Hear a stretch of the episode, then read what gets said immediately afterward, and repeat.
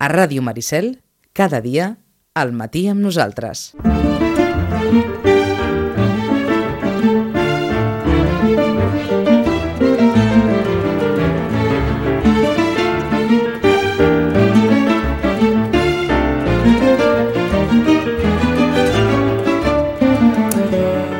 I això és que semblava que el 2021 no seria un bon any, perquè encara la pandèmia arrossegant-se, etc etc i resulta que el 2021 ha estat, diuen les xifres, un dels millors anys per les llibreries.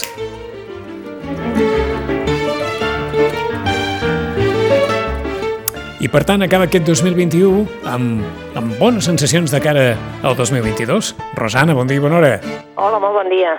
Que els números diuen que, que anant molt bé aquest 2021. Sí, no, no, no sé d'on t'han tret els números, però ho deixarem aquí i, i direm que, va, que tirem, que tirem. Igual que aquesta campanya tan fa... no? Que Comerç està dient que aquesta campanya que serà fabulosa, serà fabulosa. Sí. Sí, sí, sí, sí. Uh, um, serà, no? Si, si haguéssim de mm, posar una mica els peus a terra, una obvietat, el 2021 ha estat millor que el 2020, poc costava, suposo, que això fos així? Mm, estat millor alguns mesos, eh? Alguns mesos ha estat millor el, el 20, tot i, tot i la pandèmia, eh? Uh -huh. Perquè pensem que quan vam sortir de la pandèmia teníem moltes ganes. Moltes ganes de sortir de, de sortir de casa en el sentit de dir, bueno, uh, saps allò? Era com sí, un vols dir, de, de, eh? de no quedar-se a casa llegint llibres. Ja, però era una, també un sentit de dir, escolta, hem de pujar el comerç local, eh, saps allò? Era una mica fer comunitat. Uh -huh. Ens ha acabat tot ja, eh? Ha acabat tot? Que sí, sí? s'ha acabat, eh? Lo de les, saps allò de pujar el comerç local, mm, fer comunitat, mm, no, saps allò, no tenir tanta pressa, tot això, buah, ha sigut pitjor. Ja, ja saps què passa? Que de la pandèmia n'havíem de sortir millor, deien. Sí, deien. I en sortim com en sortim. No, no sé com en van sortir de la, de la pandèmia de la grip espanyola del 18, si en van sortir millor o no, però en general se surt com es pot, bàsicament. Exacte. Sí. I, I a partir d'aquí que cadascú hagi tret les seves, les seves conclusions. Sí, però que, que en algun moment d'aquest any ens havies dit que tenies la sensació que havia o que s'havia despertat potser un, un cert interès ja no dic per la lectura, però pel llibre en general, pel, Sí. pel món del llibre en general. Això continua sent així? Sí, sí, sí. Sí. sí hi, hi ha gent que, que està dient, oh, mm, ostres, eh, feia temps que no tornàvem a una llibreria, perquè estan llegint en, en digital o perquè simplement mm, tenen altres punts d'interès, eh? sobretot relacionats amb les xarxes socials i tot això que els, que els agafa el temps aquest que, que, que teníem per la lectura, eh? que molts t'ho confessen, diuen, és que, és que no, és que no, no, no em dóna temps de tot, i que ja, ja Que no, és normal, eh? eh, és evident, és evident. És evident. Però bé, mm, sí que hi ha aquest cert interès de dir "Mm, vull tenir un llibre de, de paper a les mans. D'acord, Ara tu, eh? tu preguntava per si, um, des del teu punt de vista, en el dia a dia, a peu de carrer i amb tots els anys que, que porteu a la llibreria, si això té molt de veritat o si hi ha una certa, no, una veritat impostada eh, amb tot això dels llibres de, dels quals se'n parla tant ara, fins i tot de, del municipi de les, de les set llibreries, que, que tothom n'ha parlat, de Calonja, que, que estrena set noves llibreries de cop i, i en fi, que espera que, que hi hagi turisme de llibre, de gent que vagi a Calonja eh, a comprar llibres, etc etc. i la Rosana ja es mostrava, diguem-ne, fins a cert punt recelosa d'aquestes campanyes que, que desembarquen d'aquesta manera. Per això preguntava si creus que, que, que fins a cert punt és impostat, això. Una mica, no sé si és que ens volen ajudar perquè la gent tingui consciència de que, m'entens? De que quan una cosa és tot com a molt nova i com a, que se li dona tant de, de publicitat, la gent doncs s'hi tira una mica més, no? Vull dir, Ja. els sembla que, que també volen participar d'això, no? No sé si és això una mica, eh? Vicenç, jo és que encara estic una mica així de dir, bueno, ja veurem com va la campanya, eh? És a dir, per digerir-ho, eh? Sí. Estàs per digerir-ho. Eh, jo estic per digerir-ho, eh? Però dir que sí, que, que és un any que s'han que s'han editat molts llibres, sí.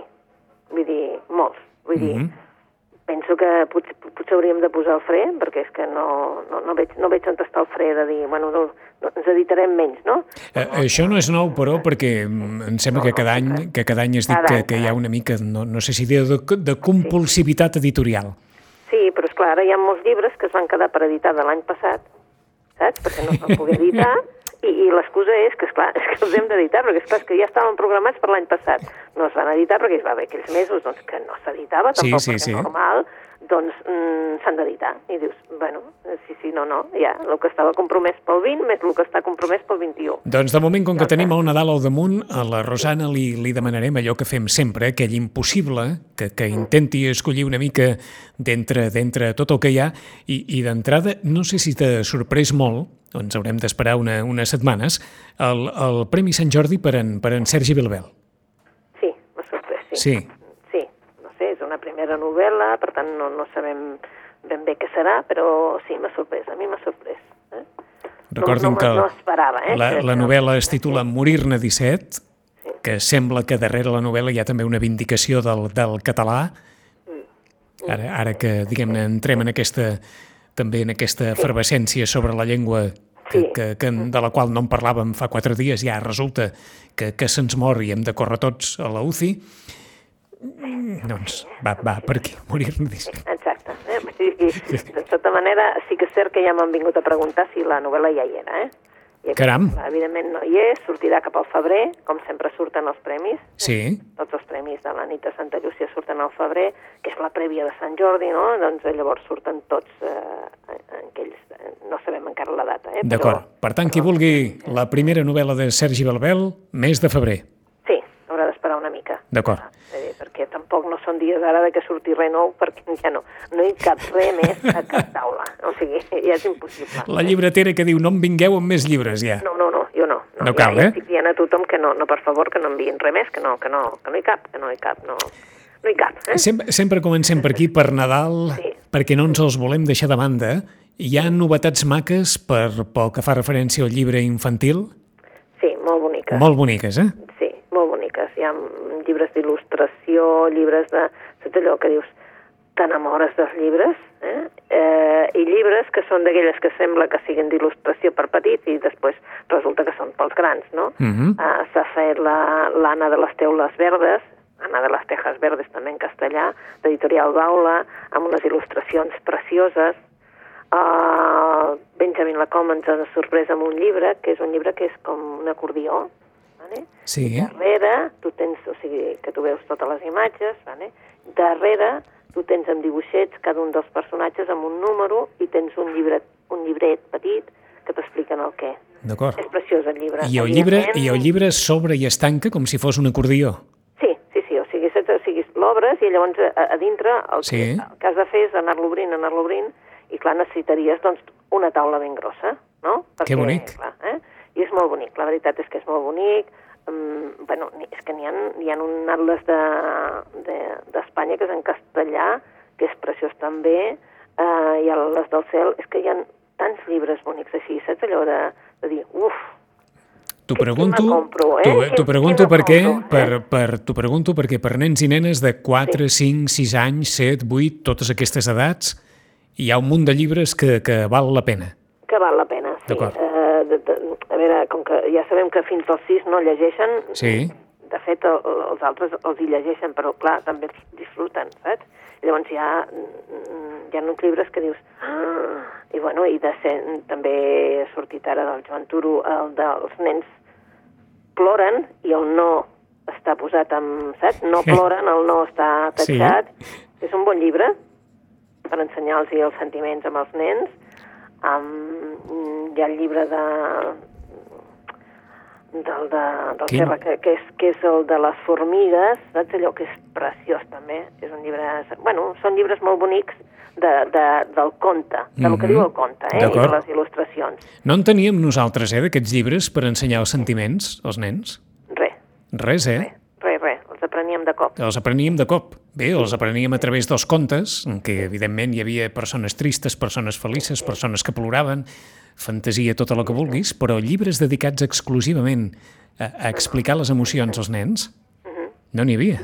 No, i que les sàpiguen digerir. I que les sàpiguen digerir. Sí, sí, sí, saps allò que dius? Que interessant. Ah, és interessant, sí, la veritat és que sí. Se'ls està ensenyant molt a que sàpiguen dirigir. Mhm. Digerir això, eh? Doncs, doncs a la carta als Reis que no faltin llibres també Llibres. pels més petits de la casa, perquè n'hi ha molt on escollir. Pels més grans. A veure, Pels Rosana, per on comencem? Mira, doncs, eh, clar, evidentment comencem per una novetat que, que, que ha sortit aquests dies, que és, eh, no sé, em sembla que no en vam parlar, que era el del Rafael Nadal, Mm. eh, que acaba la trilogia de la saga de la saga literària, però la saga també familiar, que es diu Quan s'esborren les paraules. Ah, ell ja va començar amb, amb el Quan érem feliços, Quan en dèiem xampany, que es referia novel·lat, però es referia a, a, a la memòria familiar, i ara acaba amb Quan s'esborren les paraules. I perquè tots aquells que siguin fans de, del Rafael Nadal els diem que passat demà, no, perdona, demà, demà, que és divendres, Sí. estava pensant en dimecres, eh, demà, que és divendres, a la, a la, al Foment Vilanoví ve a presentar el llibre, i per tant, esteu convidats tots aquells que, aquells que vulguin venir-lo a escoltar i xerrar una estona, que ja sabeu que és, eh, que és una persona de... Xerradora. de fàcil, eh? I És propera. molt xerraire i molt propera, li encanta també, doncs, fer les eh, dedicatòries personalitzades i és una... Bé, és un... De seguida ell va dir que sí que venia a Vilanova. O sigui que qui ja sigui habitual lector de Rafael Nadal, quan s'esborren les paraules, el darrer llibre dedicat, diguem-ne, a, la, a, la, a la seva vida personal familiar, i demà divendres dia 17 el Foment Vilanoví. Sí, Tant qui tingui, qui li agradi molt aquesta prosa de, de Rafael Nadal, tan propera, i, el, i diguem-ne que l'escriptor en si, perquè aquí sí que estaríem parlant d'una persona que a través dels llibres i a través d'ella mateixa eh, fidelitza els lectors, una cosa semblant amb Martí Gironell, per dir-ho d'alguna manera. sí, sí. Eh, doncs d'aquest registre, Rafael Nadal, demà divendres al Foment Vilanoví, quan s'esborren les paraules. Per on? Seguim per un, per un, ara una traducció al català eh, que realment ha sorprès els lectors, que és el de Duna, del Frank Herbert. Eh? El Dune, de tota Mhm. la vida, que Sí. la novel·la de ciència-ficció de tota la vida, que em sembla que ara hi volen fer, no sé si l'han fet o no, una sèrie o una pel·lícula, etc. Resulta que Rajberg s'ha atrevit a traduir-lo al català. I per tots aquells que els agrada la ciència-ficció ha sigut a dir ah, està en català? Pues sí, la traducció al català apareix ara, per traducció de Manel de Seabra, i realment està sent un èxit. Per què? Perquè, esclar, el, el, els eh, llibres de ciència-ficció pues, pues, passen una mica desapercebuts perquè són un gènere que només agraden segons qui, etc etc. però aquest és, mm, bé, no està considerada una de les millors obres de ciència-ficció de tots els temps i, clar, eh, Rajber ha fet un esforç i ha publicat Rajber i mai més, o sigui, una col·laboració de tots dos, han publicat aquest Duna en català, per tots aquells que els agradi. En castellà també hi és? Sí, sí, en castellà, Sí, eh? evidentment, hi ha Dune en totes les col·leccions que pugueu imaginar. D'acord. Eh? Doncs- Però aquest ja hi era tot el, sempre, saps? El Dune sempre, sempre està a la Mhm. llibreria perquè és un llibre que, que la gent que no coneix, que no el coneix, no? Doncs sempre és un reforç de dir, escolta, has, has llegit això? Ah, doncs vinga, doncs aquest és un, un bon un bon llibre. I Doncs- llavors, clar, a partir d'aquí doncs, sempre està, ha sortit ara en castellà amb una col·lecció que són tots els llibres de Dune, amb, saps, amb, amb un pack, han sortit doncs, eh, refets, eh, perquè, és clar, la, eh, revisada la traducció, etc etc. o sigui que ha sortit de totes maneres. Però bé, el, que ens ha sorprès és que pogués sortir en, En català, eh? Doncs la traducció en català de Dune, de Frank Herbert, ja es pot trobar a les llibreries. El de Paraíso em sembla que ja el vam parlar, que Sí. era el Premi Nobel de Literatura, per tant, aquells que s'atreveixin que, que recordin que s'ha publicat el Premi Nobel, que aquest any, com que costa una mica de dir, també és, saps? Eh, costa també de... D'aquells Sí, Premis com- Nobel en què no hi ha llibres a les llibreries. I, i Exacte. corrents i de pressa hem d'anar a editar-ho, eh? A editar-ho, exacte. Doncs Paraíso ja està editat, també per qui us interessi el, el Nobel de Literatura, també el poden trobar. I una de les últimes novel·les que ha sortit és de la Leticia Costas, eh? és una autora que, bé, que ja, que ja ha escrit altres llibres i sobretot també mm, feia publicacions eh, juvenils. Eh? Mhm. Però ara eh, ha passat a Destino amb una novel·la que es diu Golpes de luz i la Leticia Costas ens explica la història, una història de, també emmarcada amb el narcotràfic del, de Galícia dels anys 90, Està de moda el narcotràfic, Rosana.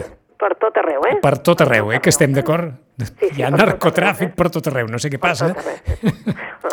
jo és que arriba un moment que dius, bueno, però aquí realment el que, el que apunta no és tant com el narcotràfic, sinó la, la, els sentiments. Eh? D'acord. perquè Jul, el protagonista és una noia, la Júlia, que s'ha separat i, i llavors, bé, doncs decideix per un temps, com a mínim per un temps, tornar al seu poble. El seu poble és Galícia. Mhm. Uh -huh. I ell hi torna amb el seu fill, eh? per canviar una mica allò, saps? De dir, bueno, doncs eh, anem a fer una altra cosa, eh, també ha de cuidar també de la mare, que també és gran, però el nen ja té 10 anys i eh, el nen està convençut de que la seva mare, que té, ai, la seva, la seva àvia, ell té una adoració per la seva àvia, veu? i la veu com a un, un, com, un, com un déu, un déu d'aquells, el, el, el déu Thor, perquè ella, com que sempre porta un martell i va fent coses, doncs ell la veu com el déu Thor. Eh? Uh, de fet, és una, una dona atípica perquè, doncs, uh, bé, amaga polvorons per tot arreu i llavors doncs, eh, amb el nen li dona de tot, però també és una, una dona que veu. Veu Sansón fins, bueno, fins aquell que, que comença a xerrar i diu mentides i diu de tot, eh? però Sebas, eh, que és el nen, l'estima i l'adora amb aquesta àvia. És, eh, bé, um, però és clar, per la mare, eh, per la filla d'aquesta senyora, la Júlia, tornar a casa és eh, tornar a reviure tota una sèrie de coses que no voldria, però és tornar a enfrontar-se al seu passat, un passat que, que voldria esbrinar de per què va desaparèixer el seu pare, eh, per què va marxar d'allò de dir vaig a comprar tabac i no torna, Sí. i llavors ella voldria també doncs, saber què ha passat, perquè des de llavors doncs, la mare, evidentment, no li ha volgut explicar mai. Eh, en definitiva, una història que diu Golpes de luz, una història d'aquestes més de sentiments, per aquests dies de Nadal també. I- Golpes de luz, per on seguim? Però púding de Nadal, no? No sé si Sí. que hi havia No, jo diria que no. Aquest no, Diria és que no. Nancy Mitford, amb una bona, amb una bona edició de l'editorial Univers, que, bueno, la Nancy Mitford i amb el títol de Púding de Nadal, eh, a més a més, saps allò, amb una portada en la que es veu el púding amb les fulletes de grèvol, etc aquí, doncs ja és realment el llibre de Nadal, allò de dir, ai, no sé què regalar-li, doncs, doncs mira, el púding de Nadal, eh?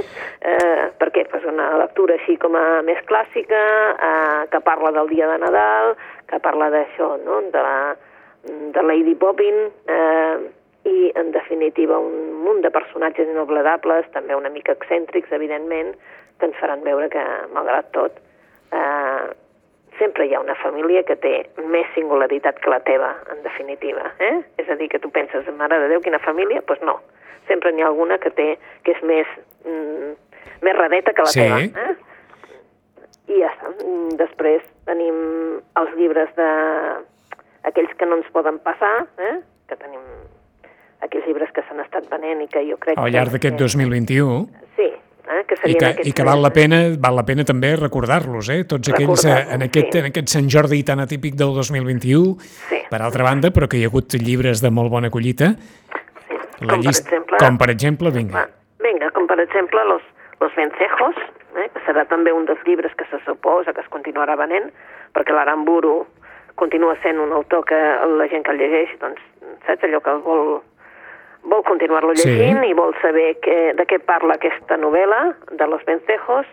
Uh, ja la vam explicar, vam dir que era una novel·la molt diferent a Pàtria, que Ah, ningú exacte. busqui Pàtria aquí, perquè no ho és, i després d'això, doncs, evidentment, tenim també a l'Antonio Muñoz Molina, que és un dels autors també que ja va per la quarta edició i que és un autor que, bé, el que passa que aquest sí que hem de dir que és mm, que fa aquella mirada sobre Espanya a, a través de, de la família, eh? una família típica de, de, de l'últim segle i que en definitiva també parla una mica de pandèmia. Mhm. Però és un dels referents també un altre dels referents d'aquest any, eh? d'aquest any. D'un any d'escriptores, per altra banda. Sí, d'un any d'escriptores, un any molt d'escriptores que m'hem anat dient, i la següent és escriptora, que és la Carlota Gurt. Eh, ha sigut una, una sorpresa, la Carlota Gurt, perquè, bé, va, va, va escriure contes, ara s'ha treballat amb aquesta novel·la que es diu Sola, i és una novel·la que no et deixa indiferent. Mm. És una novel·la d'això, saps, allò, el típic, eh? Um, la feina no li va bé, um, el matrimoni, diguéssim, que va tirant però tampoc eh, diu res, Sí, i el que fa doncs, és instal·lar-se en una casa que està enmig del bosc, que és la casa de la seva infantesa, i, i es posa a escriure.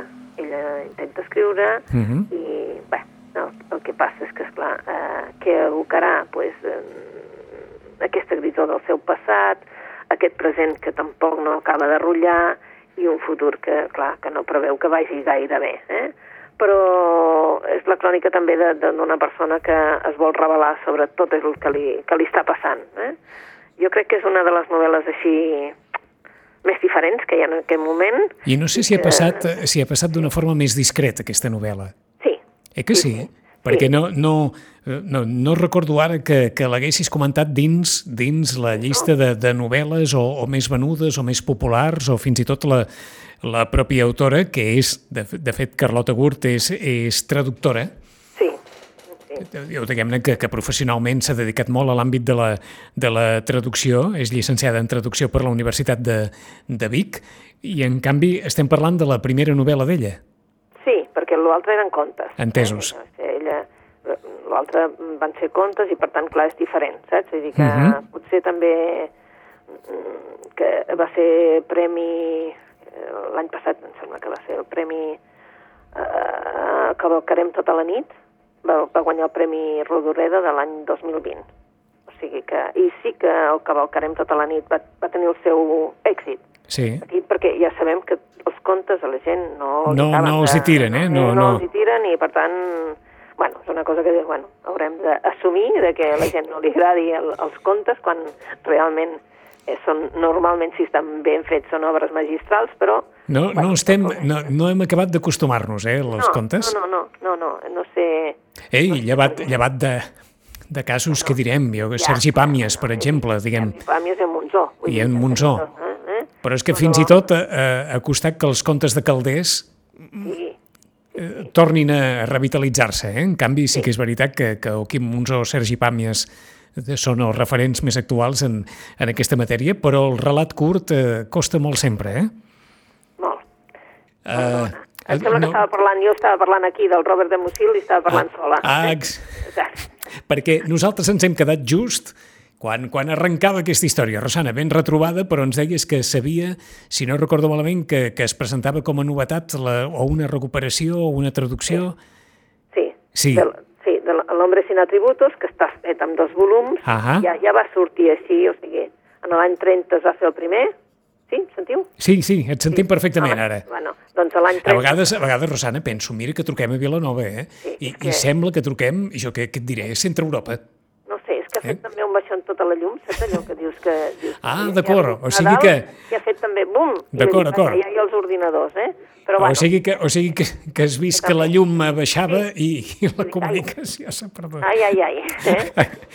Tornem-hi. El hombre, El hombre sin atributos. el hombre sin atributos. del Robert Musil. Eh? Mhm. és, mm, ell, la veritat és que és un autor de centre Europa, és austríac, bueno, era, perdó, eh? Sí. Parlant, evidentment, de- d'un autor ja, ja mort, però és un autor que va voler plasmar, doncs, eh, tot el que seria, doncs, l'imperi austro-húngar eh, i la, el decliu d'aquest de, de, imperi i com eh, es podia sentir una persona din- dintre d'això i és l'antiheroi. O sigui, el que tenim és l'home sin atributos, és un antiheroi, és que no té res que realment el, el faci com a real. Es va publicar en dos volums perquè l'any 30 van sortir un i fins Sí. al 43 no es va publicar el segon. D'acord. Eh? Eh, la veritat és que això estava publicat ja per Sex Ferral fa moltíssims anys, Mm, quan dic moltíssims, són moltíssims, jo era jove quan el vaig llegir, per tant, moltíssims. El que passa és que doncs, mm, és d'agrair que es tornin a publicar aquest tipus d'obres perquè ens fan recordar que, bé, que hem tingut també una literatura que val la pena, Mm. que val molt la pena. D'aquella que també dèiem que anem arraconant, eh? Ah, en, en la mesura que vam, que van passant els anys va quedant, va quedant arraconada. I si haguessis d'escollir, ara que ens queden cinc minutets només, allò que dius, mira, un, un i ho dic d'aquesta manera, un capritxo, que dius, mira, és que ara em donaria un capritxo i compraria, jo què sé, una, una edició especial o alguna cosa que veritablement t'hagi t'hagi enlluernat en matèria de- d'edició, que diguis, escolta, això algú que li agradin el, els llibres i la literatura, que s'hi aboqui de ple? Bueno, doncs, eh, però ha de ser lector-lector, eh? Lector, lector. Lector, lector.